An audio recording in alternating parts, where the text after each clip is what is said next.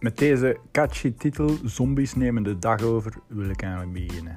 Het is een dunne grens tussen dat waken en dromen. Het slapen, met name dromen, komt regelmatig opduiken gedurende de dag. Ik heb geen idee hoe dat jij dat beleeft, maar ik kijk weg van iets dichtbij, sta in de verte, ergens in de schemerzone tussen mijn onderbewustzijn en de wereld rondom mij. Zulke zalige momenten, die we dagdromen noemen, waar dan we niets doen, fantaseren, dromen of slechts amper met ons ogen knipperen, vind ik de max. Dat is mijn ultieme vorm, zo zie ik, van mediteren. Kost me geen moeite, nog energie. En ik heb geen benul van tijd als ik aan dagdromen ben. Ik zit om maar wat te staren. Ik snap zelfs niet waarom dat mensen zo moeilijk doen over flow state. Mij lukt dat als vanzelf. Trouwens, een van mijn naaste ervaringen met zombiegedrag had ik toen ik een jaar of tien was. Ik zat op school tijdens de les, gefascineerd aan het staren. maar niet naar wat dat de leraar op bord aan het schrijven was, maar naar een rood bordje die daar buiten ergens op een tak zat. Echt zo in een trance. Toen ik opeens opschikte van een bordenwisser die de leraar naar mij gooide. Ja, I know, ik kom uit het tijdperk van de houten bordenwissers. Zoiets doet het toch niet als iemand zit te genieten, dacht ik waarschijnlijk, die klootzak. Dus ik pakte die bordenwisser en ik smeet die gewoon terug. Maar dan wel raak. De gevolgen waren echt een trauma. Mijn ouders naar school en ik was een krapul, bla bla bla. Nu, ik heb dat ondertussen verwerkt, omdat ik besef dat dagdromen iets heel nuttig is. Oef. Ik zat weer bijna met een droomwereld. Even terugkomen. En lang werd gedacht dat we dat dagdromen, dat we dat bewust deden. Functioneel eigenlijk. Dat een manier was om de omgeving te schannen, om te kunnen reageren en de juiste beslissing te nemen bij dreiging.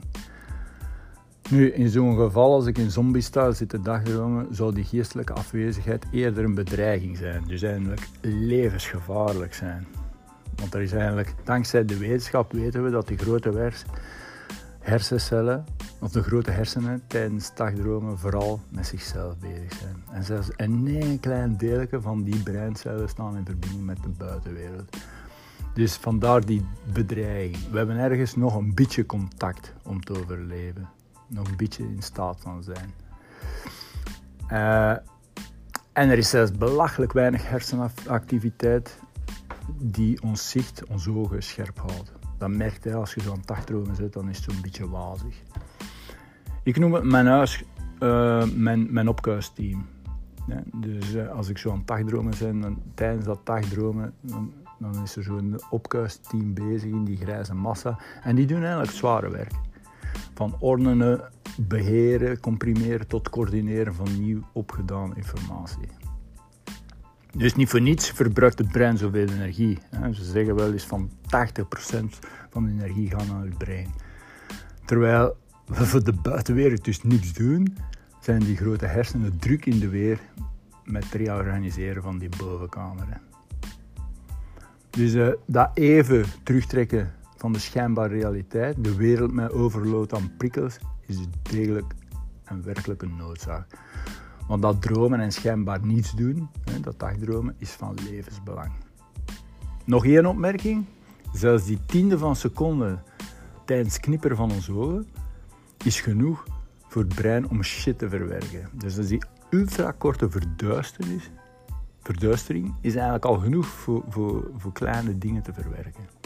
Nu, dat laatste detail zou ik laten vallen als je dagdromen wilt verkopen aan je baas.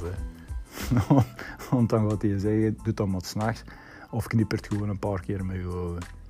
Ah ja, en voordat ik het vergeet, mijn gedachten en fantasieën tijdens zo'n trip overdag zijn altijd dikke fun. Echt, dikke fun, de max en gelukkig ook. Want schijnt dat mensen met depressieve gevoelens negatief dagdromen.